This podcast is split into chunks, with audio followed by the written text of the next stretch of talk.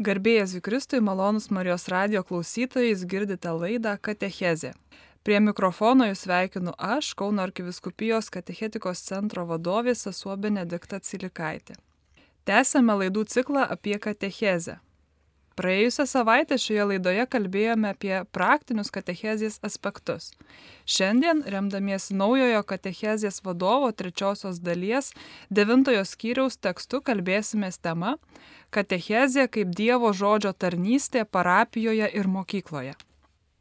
Su manimi kartu Marijos radio studijoje yra švenčiausio atpirkėjo vienuolijos brolis, redemptoristas, Kauno akademinės įlovados kapelionas, kunigas misionierius net iš Slovakijos, Rastislav Tuchy. Vienoje iš mūsų laidų apie katechezę didelį dėmesį skyrėme katalikų bažnyčios katekizmo svarbai sesuolina Striokaitė dalinosi savo patirtimi, kaip jis padeda išsaugoti katechezės esmę bei struktūrą. Naujojo katechezės vadovo skirsnis, kuriuo šiandien remiamės, laidoje mus gražina prie pirminio katechezės šaltinio šventojo rašto, kurį vadina kasdienę duoną, nuolat atgaivinančią ir maitinančią mūsų tikėjimo kelionę. Dievo tauta visais savo istorijos amžiais sėmėsi iš jo jėgų. Kunigė Rastislavai ir kaip kunigas, ir kaip vienuolis, ir kaip kapelionas universitete nuolat esate tarnystėje ir žinau, ir po mūsų laidos įrašo skubėsite į kitą misiją, kurioje tikrai reikia ir fizinių, ir dvasinių jėgų. Galbūt galėtumėt pasidalinti, kas yra jūsų kasdienė duona, kuri jūs palaiko misijoje. Žinoma. Man atrodo, kad kiekvienas krikščionis pasakytų, kad mano stiprybė yra malda, yra, yra, yra pokalbis su Dievu, laikas su Dievu. Tai malda, tai kai meldžiuosi, kai priimu sakramentus, kai esu su mano bendruomenė, su mano draugais, kurie yra tikri, arba bando būti tikrais krikščionimis, man tai labai padeda. Žmonės, kurie draugauja, bičiuliauja su manimi, bet, bet irgi žmonės, kurie stengiasi gyventi Dievo žodžiu. Tai, kaip sako šimtas ketvirtoji psalme, kad Dievas mums duoda maisto. Jis duoda maisto žmogui, kad, kad jis galėtų turėti stiprybę, kad jis galėtų dirbti uh, jo šlovei. Tai uh, ta, ta psalme, 104 psalmė sako, tu Dieve duodi žmogui maisto ir vyno, kuris linksmina žmogaus širdį, ir alyvmedžių aliejaus, nuo kurio švieti veidą, ir duonos, kuris stiprina gyvastį. Mums du, duoda duoni, duonos kasdien, bet irgi tos duonos, apie kurį labai dažnai kalbėjo Jėzus. Tai Dievo žodis yra tokia labai stipri arba, arba sveika duona mano sielai, mano, mano gyvenimui. Tai Dievo žodis nu, yra vienas iš svarbiausių uh, dalykų. Tai yra mano gal svarbiausias maistas. Tai iš kur aš semiu uh, uh, stiprybę, būtent iš, iš, iš Dievo žodžio dažniausiai, pasakyčiau. Ačiū Jums labai.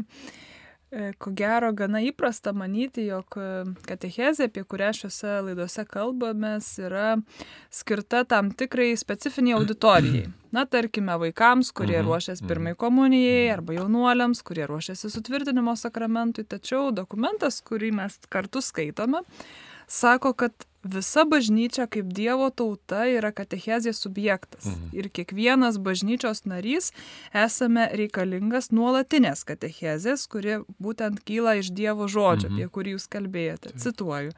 Žodžio tarnystė gimsta iš klausimosi ir ugdo klausimosi meną, nes tik tie, kurie klausosi, taip pat gali skelbti. Tėve Rastislavai, noriu jūsų paprašyti patarimo mūsų mėlyjams Marijos radio klausytojams, kurie girdi šią laidą. Na, kaip paėmus švento rašto tekstą, ar spausdintoje knygoje, ar telefone, mm -hmm. klausantis, mhm, skaitant, išgirsti tą iširdį prabylantį Dievą ir tokiu būdu būti nuolat paties Dievo žodžio -hmm. ruošiamiems liudyti Kristų kitiems. Aš tikrai dabar jau ilgą laiką, kai žmonės ateina iš pažinčiai, pavyzdžiui, ir ir sako, nu man taip sunku melstis, kaip man daryti? Ką man daryti? Man sunku, sunku melstis. Tai, tai aš dabar esu jau ilgą laiką įsitikinęs, kad geriausias būdas melstis yra su šventuoju raštu. Pats geriausias būdas. Ir kai Jėzus meldėsi, labai dažnai jis citavo šventąjį raštą, tai reiškia, kad jam tai buvo maistas. Jo siela, Jėzaus siela buvo maistas. Žodžiai iš, iš šventojo rašto. Uh, tuo labiau mums. Tai aš pasakyčiau visiems, kad man atrodo, kad tas bažnyčios atnaujinimas ir mano asmeninis atnaujinimas, kad būtų greitesnis, man atrodo, kad reikia tikrai, tikrai uh, rimtai pažiūrėti į šventąją raštą ir pradėti melstis su juo. Ir aš noriu pasakyti keletą tokių gal pastabų, kaip tai padaryti. Tai, žodžiu, pirmiau reikia turėti šventąjį raštą namuose, bet man atrodo, kad beveik, beveik kiekvienas krikščionis turi. Tai pir, pirmas dalykas, pažiūrėk, kur tas šventasis raštas yra. Gal kažkur tarp knygų, ka, kur, kur yra šventos knygos arba tokios knygos, kur, kur, kur maldynas yra, gal ten reikia ieškoti tavo švento rašto. Ir tai paimk į, rank, į rankas tavo šventą raštą ir nuvalyk, nuvalyk dulkių pirmiau. Man atrodo, kad pusė, pusė krikščionių, kuri klauso šitą laidą, dabar uh, sušypsos, nes, aha, kunigas apie mane kalba. Nes yra daug tokių krikščionių, kurie, kurie būtinai turi šventąjį raštą jau ilgai. Gavo iš, iš kažko, iš kažko, bet, uh, okei, okay, tai paimk į ranką šventąjį raštą. Pažiūrėk, kada buvo išleistas tas šventasis raštas. Ir uh, pažiūrėk į, ta, į, į šventąjį raštą ir, ir uh, nepamiršk, kad tai yra Dievo meilės uh, laiškas tau. Dievo meilės laiškas tau ir jis nori, kad tu tą laišką skaitytum kasdien. Nes jeigu, jeigu tai yra meilės laiškas, žinot, kai ypač tie žmonės, kurie uh, dar prisimena, kai mes siūsdavom laiškus, kai mergina buvo įsimylėjusi arba vaikinas buvo, buvo įsimylėjęs, tai jie siūsdavo vienas kitam laiškus. Ir kartais, kai tu pamatai, o, laiškas atėjo iš rašysenos, tu matai, kad tai yra iš tavo mieliausiojo arba už, už tavo uh, merginos. Tai uh, vyrai pas mus Slovakijoje bučiavo tą laišką uh, prieš atidarant. Kartais yra gerai pabučiuoti šventę, nes tai yra Dievo laiškas man, tai ne tik knyga, tai yra kažkaip jo meilė atsiskleidžia per skaitimą. Ir tiek tos meilės ten yra, kad pakanka visam gyvenimui. Kasdien tu gali sugrįžti prie, prie to laiško ir, ir, ir gal ten, yra, sakin, ten bus sakiniai, kurie tu, tu kartosi labai dažnai, nes tai yra tokia stiprybė tavo, tavo, tavo, tavo širdžiai. Tai jau turi uh, šventai raštą savo rankose. Tai aš pasakyčiau, kad žmonės, kurie niekada, niekada, niekada neskaitė patys namuose, reikia pradėti su nauju, test, su nauju testamentu. Tai, tai toks būtų mano patarimas pradžioje, bet jeigu žmonės jau skaito, skaitykit, kaip jūs esate pripratę. Nebūtinai, e, gali būti ir, ir senasis testamentas, nes tai yra irgi Dievo žodis. Ne tik naujasis, ir senasis yra Dievo žodis. Tas pats Dievas, kuris tave myli, įkvepia autorius, kurie parašė ir senai, ir naują testamentą. Tai visas raštas yra Dievo įkveptas ir, ir, ir naudingas ir maistas tau. Tie, kurie pradedat, pradėkit su, su evangelijomis. Su Mato evangelija pradėkit. Ir kasdien būtų faina keletą sakinių bent perskaityti. Gal dešimt sakinių kasdien. Ir čia pažymėti čia, pabaigiau, kitą dieną pratesiu nuo, nuo to taško. Gerai turėti ra, uh, prie, prie šventų rašto rašiklį ir pažymėti čia, čia pabaigiau. Ir kasdien dešimt sakinių. Yra tokie žmonės, kurie nori visą skyrių perskaityti. Būtų fantastiška. Bet aš, pasakė, aš pasakyčiau, kad geriau mažiau, bet kasdien, negu, negu perskaityti didelį gabaliuką, bet ne pastoviai. Tai jeigu tai būtų penki, penki sakiniai, penki sakiniai, bet uh, kasdien tai jau, jau, uh, jau, jau atidarėm šventąjį raštą, mat, mato evangeliją, Tai pradžioje nes šventoji dvasia įkvepia tuos autorius parašyti šventąją raštą. Ta pati šventoji dvasia dabar tave įkveps, kad tu galėtum Dievo šviesoje skaityti šventąją raštą. Kad tai nebūtų tik paprasta knyga, ok, dabar priskaitysiu kažką, bet pasimelsk šventoji dvasia. Tu įkvepiai tuos, tuos žmonės parašyti šitą uh, raštą. Įkvepki ir mane. Aš noriu priskaityti jų šviesoje arba tavo šviesoje, kad aš supr ne tik suprasčiau, kad patirčiau tavo meilė, tavo išmintis galėtų įsišaknyti mano širdie, kad to žodžio stiprybė galėtų pripildyti mano gyvenimą, nes man taip reikia tavo stiprybės šventoji dvasia. Tai kalbėk, kalbėk su manimi. Tai gerai pasimelstyti labai trumpai savo žodžiais šventoji dvasia, padėk man skaityti ir, ir ne tik skaityti, bet suprasti, pajausti. Apšviesk mano protą, apšviesk mano, mano sielą, padėk man, kad, tavo, kad tie žodžiai, kurie bus dabar perskaitomi, kad būtų kaip sėkla mano, mano širdžiai, kad, kad ta sėkla galėtų augti ir atnešti vaisių mano gyvenime. Tai paprastai, šventoji dvasia ateik, padėk, apšviesk, pripildyk. Ir po to tiesiog skaityk, nebijok, skaityk, kaip tu skaitai, bet kokią knygą skaityk. Sugebi skaityti, tai skaityk. Dievas tau davė, davė šitą įgūdį, kad galėtum skaityk ir gal būtų gerai pakartotai skaityti. Perskaitysi tuos penkius sakinius arba, arba, arba dešimt sakinius ir dar kartą perskaityk, dar kartą. Nes tai yra trumpas tekstukas, tai nėra visas raštas. Tai yra. Po to, kai perskaitai, mąstyk, galvok, bandyk, bandyk pajausti, ką gal, gal Dievas tau nori pasakyti per, per tuos sakinius. Gal vienas sakinys iššoks iš puslapio. Tu nežinai, kodėl būtent šitas sakinys tau tarsi užstrigo tavo širdie arba tave palietė. Tai kartok tą sakinį, kartok. Gal tas sakinys, tas vienintelis sakinys bus tavo visos dienos malda. Tu būsi virtuvėje ir tas vienas sakinys, tu prisiminsi. Gamindamas pietų, gal keletą kartų vakarą, kai eisi miegoti, gal tas sakinys vis aidės tavo, tavo galvoje.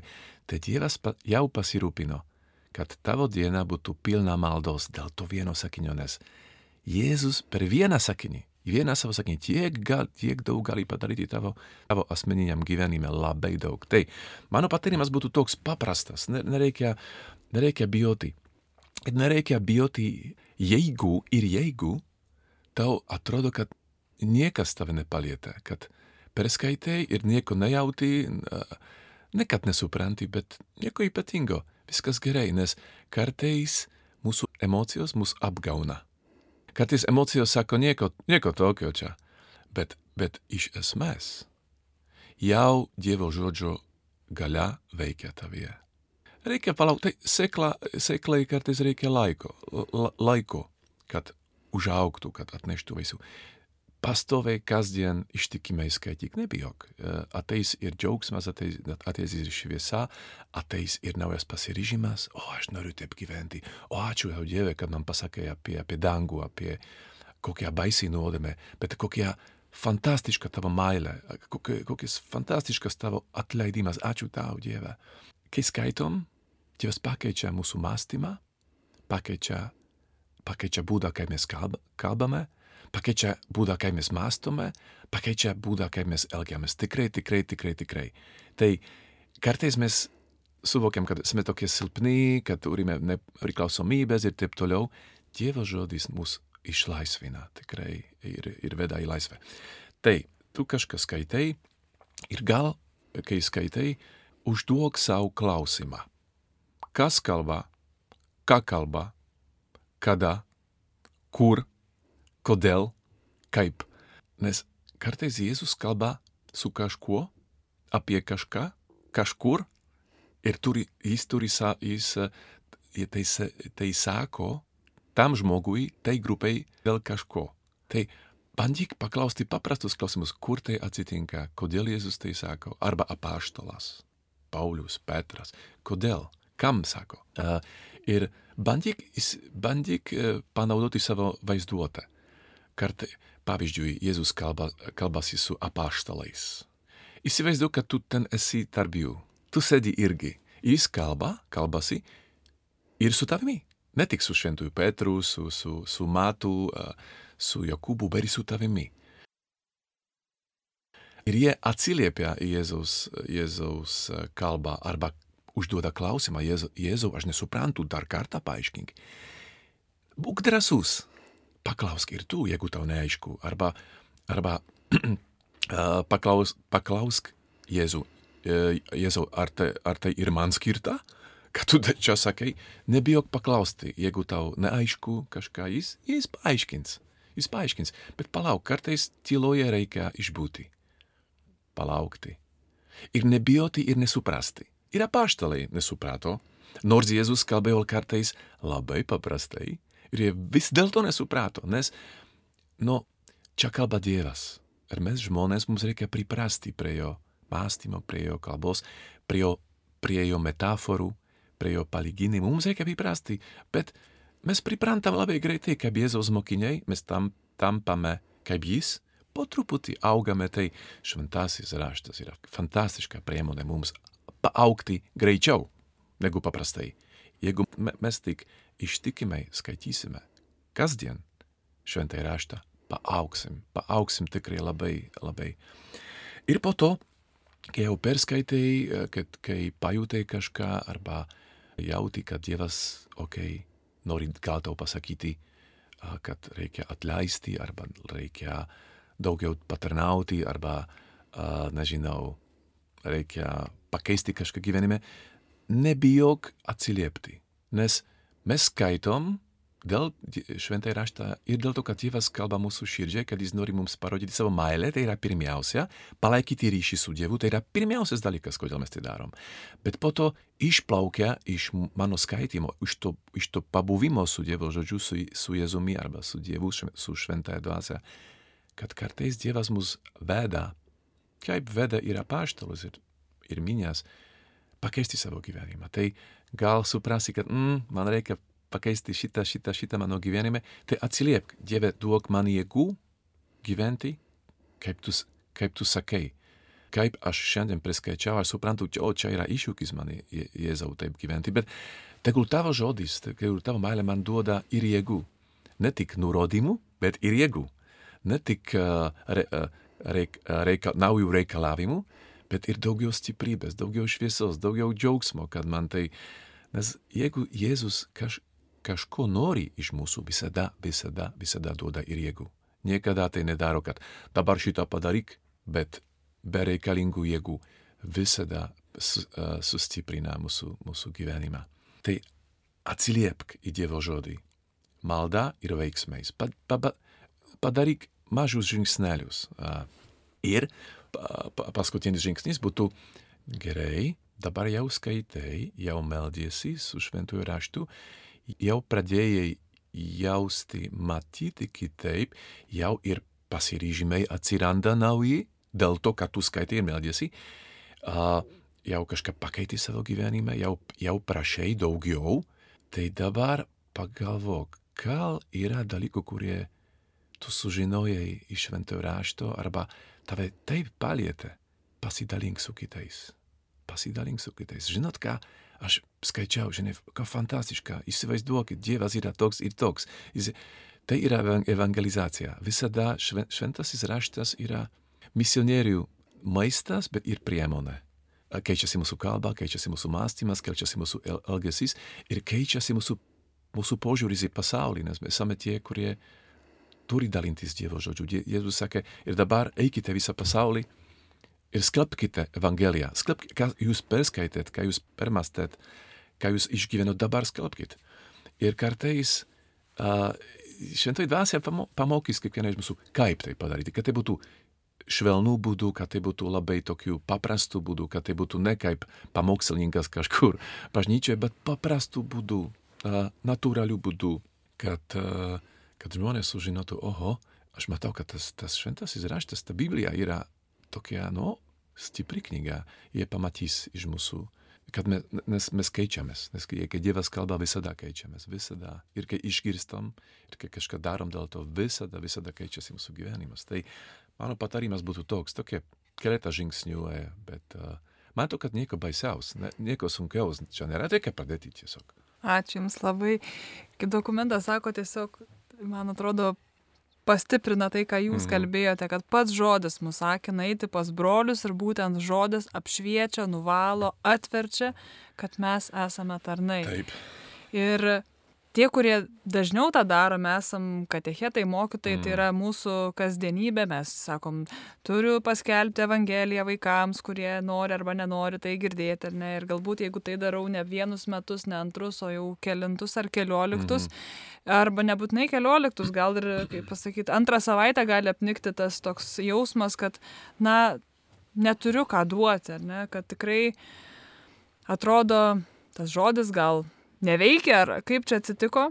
Ir iš tiesų tai, ką noriu perteikti, jau pats nelabai esu, manęs, patie, manęs paties tai nelabai maitina, galbūt ne, ne, pats tuo netikiu, ne? Ir iš tiesų turbūt kvietimas būtų mūsų Marijos radio klausytojams tada nebijoti patiems eiti tais žingsniais, kurių mhm. mokome kitus, ar ne? Galbūt jūs galėtumėt pasidalinti savo patirtim, kai tikrai jum pačiam švento rašto tekstas atnaujino mhm. ryšto, paskatino tą vat, keisti kryptį, mhm. ar kažkaip perkeitė situaciją, kurioje atrodo nebuvo sprendimo, ar misijoje, ar kasdienybėje. Mhm. Jo, aš pasakysiu, taip, a, aš prisimenu, buvau, buvau a, su tėvu, tai buvo, nežinau, gal prieš pen, penkiolika metų namuose ir kartais, nors aš myliu savo tėvą, bet kartais taip skiriasi mano požiūriai ir jo požiūriai, taip skiriasi labai. Ir ta, aš prisimenu, man reikėjo jau išvažiuoti po keletą dienų su mano tėvais atgal į Bratislavą, kur aš tarnavau beveik 20 metų. Ir uh, atsisėdau į mašiną ir buvo toks piktas, toks piktas, nes per pusryčius, no, ten tėvas pradėjo kalbėti apie kitus žmonės ir taip toliau. Ir nors aš jam nieko nesakiau, nes aš jaučiu, kad mano pašaukimas dabar šiais metais yra tiesiog būti. Nepamokslauti mano tėčiui, tik būti su juo, kad jis pamatytų, kad tavo sunus atvažiuoja dėl tavęs, dėl mamos, dėl šeimos, bet vis tiek buvau piktas, nes, nes, nes aš, sakė, aš sakiau savo, kodėl? Aš čia pusryčiauju uh, su, su mano tėvais, tai mano paskut, paskutiniai pusryčiai, nes, no, reikia išvažiuoti, net, uh, ka, kažin kada, kada mes dar susitiksim, gal po, po pusę metų, po, po metų, ne? Tai aš galvojau, kodėl jis ne, nesielgia geriau, gražiau, mandagiau, su daugiau uh, su tokia pagarba. Tai aš buvau toks piktas mašinoje, tikrai piktas buvau, bet tą dieną ryte aš meldžiausi. Ir, ir uh, Biblijoje, Luko Evangelijoje, šeš, šeštame skyriuje yra toks sakinys, kad uh, Jėzus sako, bet jūs mylėkite savo priešus, nors mano tėvas neva priešas, bet mylėkite savo priešus, darykite gerą ir skolinkite nieko nesitikėdami. Tuomet jūsų lauks didelis atlygis ir jūs būsite aukščiausiojo vaikai, juk jis maloningas ir nedėkingiems ir piktiesiems.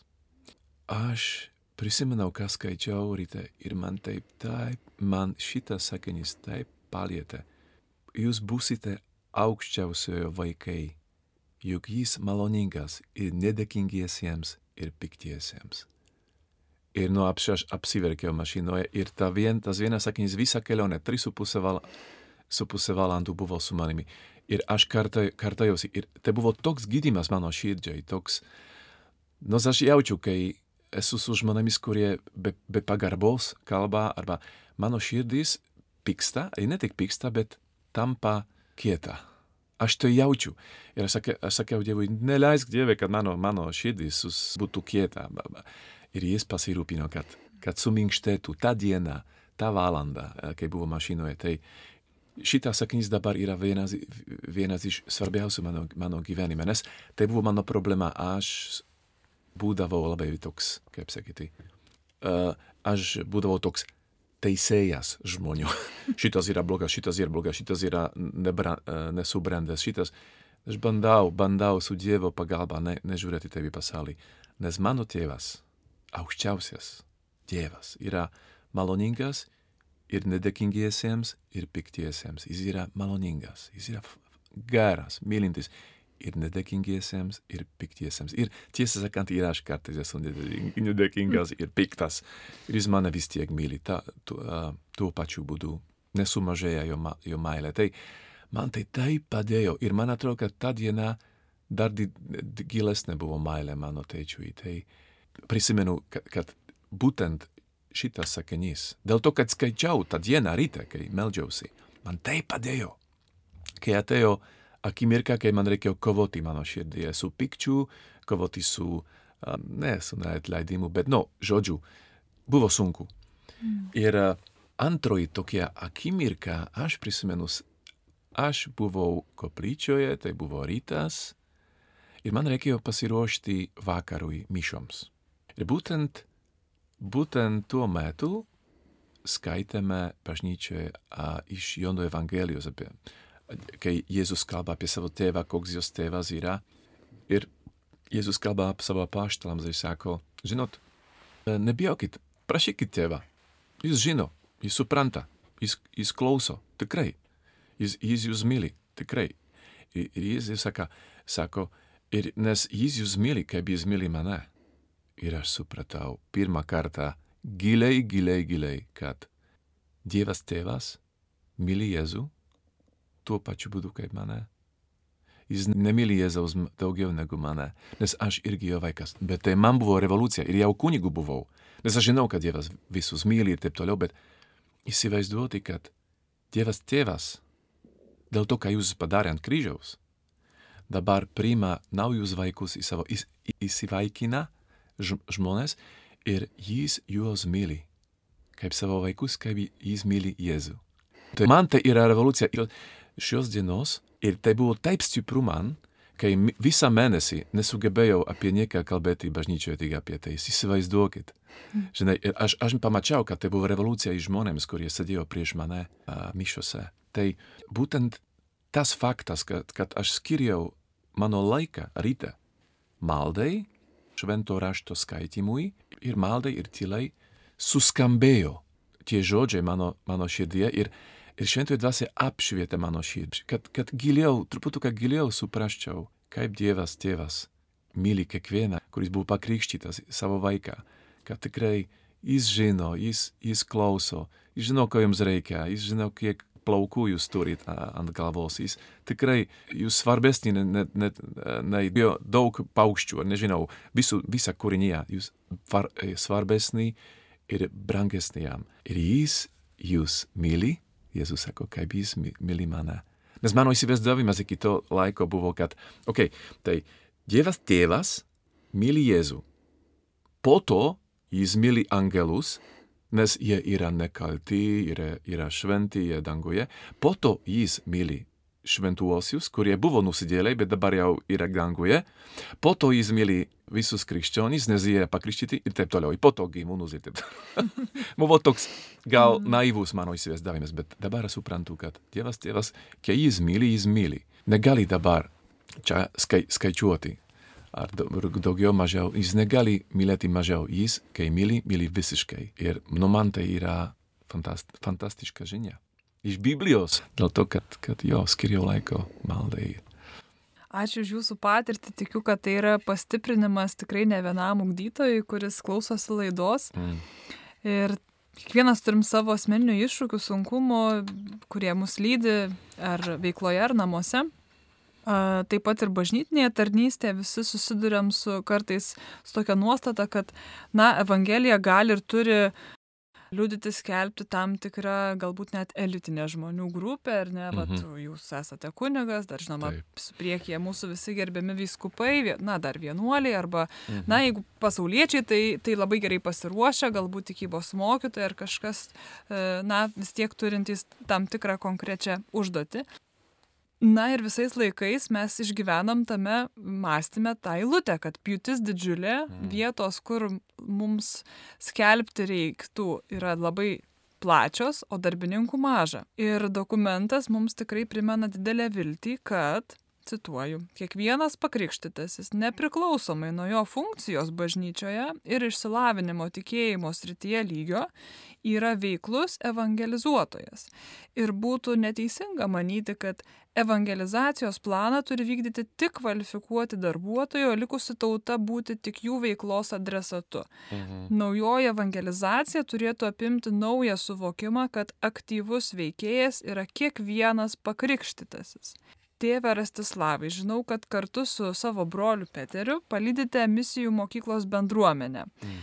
Ir galbūt galit pasidalinti, nors laida eina e, į, į pabaigą po truputėlį, kaip jūs e, tuos žmonės palydite, ugdote šitoje kelionėje, kad jie būtų drąsūs atsiliepti į šitą kvietimą, evangelizuoti, liudyti Kristų. Taip.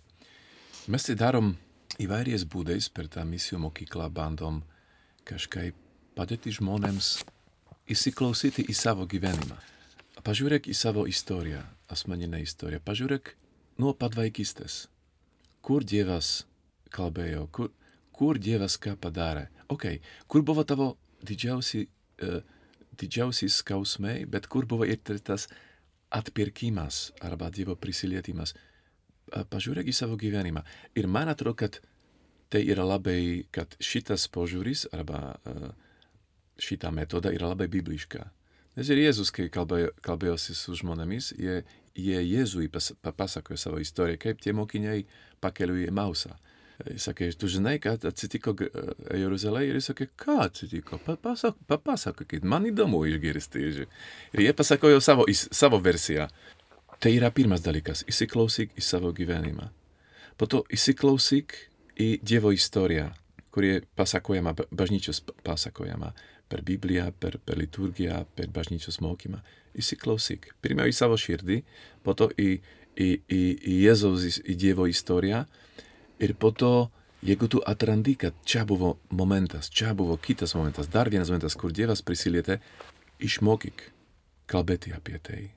Tai irgi, e, kai, kai žiūrime į, į, į Bibliją, matom apaš, apaštalų ir kitų žmonių, kurie samarietė, uh, buvo žmonės, kurie uh, papasakojo kitiems apie, apie tai, kaip, kaip jie susitiko su Jėzumi, ką atsitiko jų gyvenime.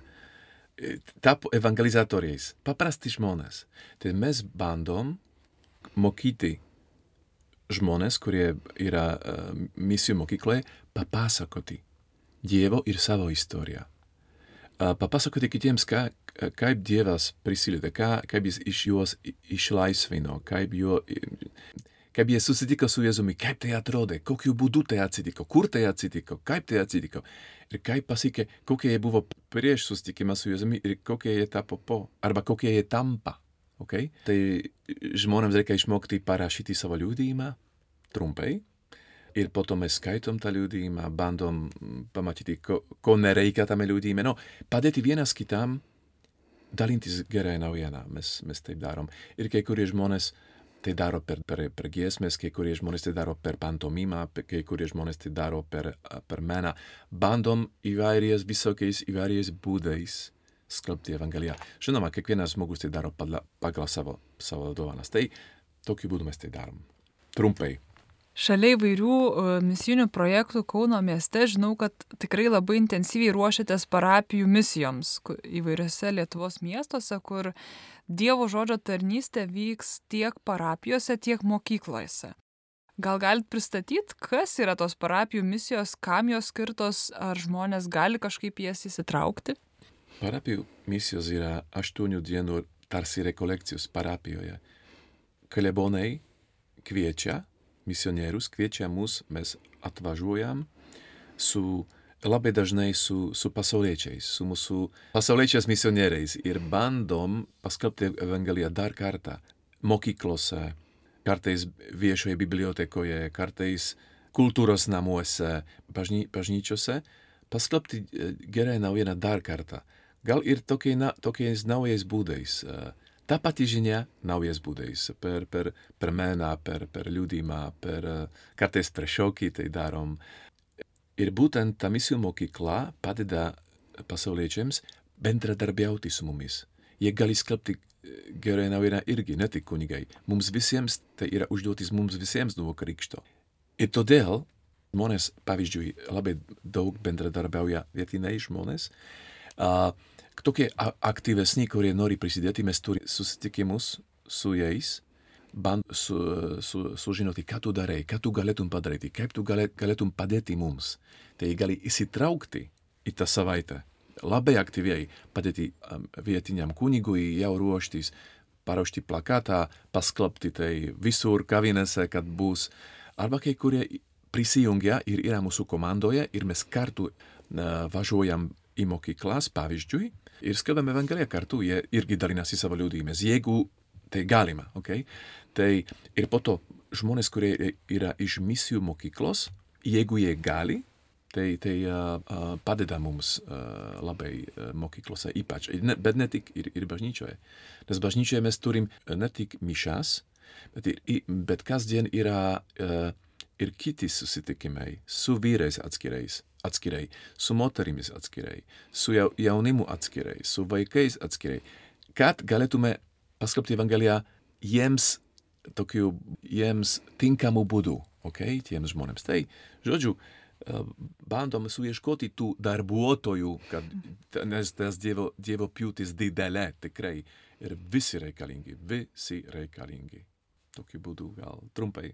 Aš savo ruoštų tik noriu paraginti gerbiamus mūsų klausytojus tikrai karštai melstis už šias planuojamas misijas, apie kurias dar tikrai ir girdėsite, ir matysite skelbimus ir viešojo erdvėje, ir savo, manau, bažnyčiose, kad tikrai e, žmonės galėtų išgyventi gyvą susitikimą su Kristumi ir patirti jo atleidimą, išgirsti jo kvietimą, atrasti naują prasme savo gyvenimui, savo misijai ir tarnystė. Nes kaip e, naujasis katechezės vadovas sako, parapija yra įprastinė aplinka, kur gimstama bei augama tikėjimu. Mhm. Todėl parapija yra itin tinkama bendruomeninė erdvė žodžio tarnystei tapti vienu metu mokymu, auklėjimu ir gyvų patyrimu. Mhm.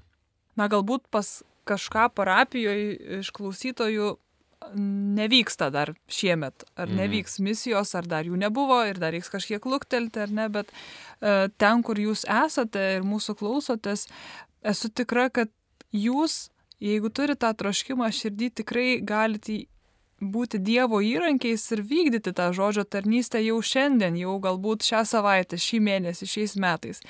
Kunigė Rastislavai, galbūt jūs pabaigai kažkokią vieną kitą mintį, bet žmogui, kuris klauso ar ne ir dabar galbūt susidomėjo, bet nežino nuo ko pradėti, ar ne, kaip galėtų vykti ta mūsų pradžia misijos.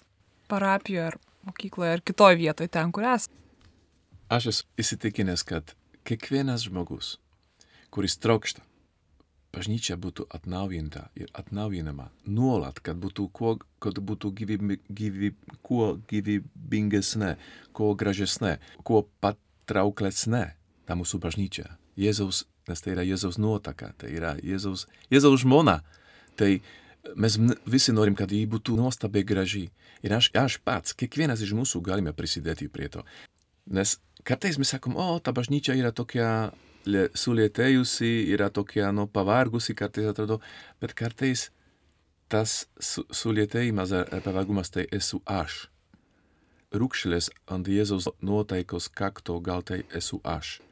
Gal ir aš noriu, aš labai noriu būti, būti gyvų narių. Aš noriu, jeigu aš esu ranka, Aš noriu, kad ta ranka dirbtų, kad ta ranka būtų pakelta Dievo šlovai, kad ta ranka būtų padėta kitiems, kuriems reikia pagalbos. Jeigu aš esu lūpomis, tai aš noriu, kad tos lūpos kalbėtų su Dievu, kalbėtų su žmonėmis, kad dainuotų, kad gėdotų, kad, kad išpažintų tikėjimą, kad drąsintų. Jeigu aš esu uh, kojo, kojomis, tai aš noriu būti veiklus Aš noriu judėti, nesėdėti namuose ir nieko nedaryti. Tai reikia kiekvienam iš mūsų paklausti, kokia yra mano misija. Ir kiekvienas iš mūsų turim savo dovanas. Kiekvienas, niekas nebuvo sukurtas be dovanų, be talentų. Ne vieno tokio nėra. Net žmogus, kurį negali vaikščioti, kuris guli dabar namuose, nes, nes serga. jis yra labai reikalingas, ji yra labai reikalinga. Nes žmonės, kurie, aš kartais galvoju, kaip faina, kai, kai jaunimas, ne tik jaunimas, prisijungia ir yra daugiau gėdojimo, daugiau judesio bažnyčioje, daugiau, kad tie, tie skaitimai bažnyčioje yra ne tik skaitomi, bet skelbti. Kaip faina, jeigu tokie žmonės yra bažnyčioje, kad jaučiasi, čia yra Jėzus prisikėlęs tarp mūsų, reikia švaisti mūsų tikėjimą, ne i, i, kažkaip ištverti, išgyventi. Bet yra žmonių, kurie serga. Yra žmonių, kurie jau yra senyvo amžiaus ir būtent, būtent per juos Dievas atgaivina bažnyčią, per jų kančią, per jų pasiaukojimą. Aš žinau, kad kartais žmonės, žmonės atsiverčia per mano pamokslus dėl to, kad tokie žmonės a, aukoja savo skausmus už mane, už mano tarnystę. Ir tas vaisingumas, nes jie sako, Dieve, man vis skauda visas kūnas šiandien, bet aukoju visi tie skausmai už bažnyčios atnaujimą. Ir būtent ur, už, pavyzdžiui, gegužės misijas, kurie, kurie bus elektrenuose, bus tauragėje, aš aukoju savo skausmus, aš skaugoju mano nugaros skausmus ir nežinau, ko už šitas misijas Dieve panaudok mano skausmą, kad žmonės galėtų turėti džiaugsmą susitikdami su tavimi.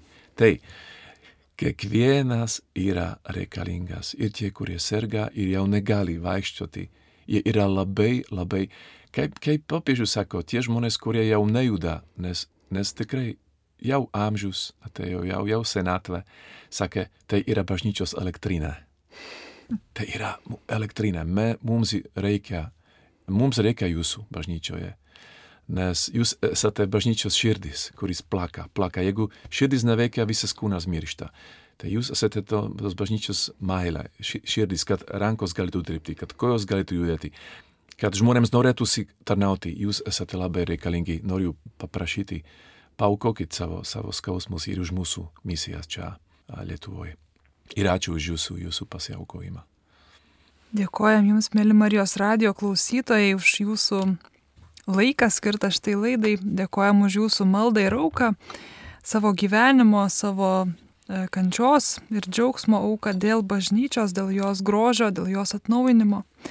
Dėkoju laidos svečiui, kunigui misionieriui Rastislavui.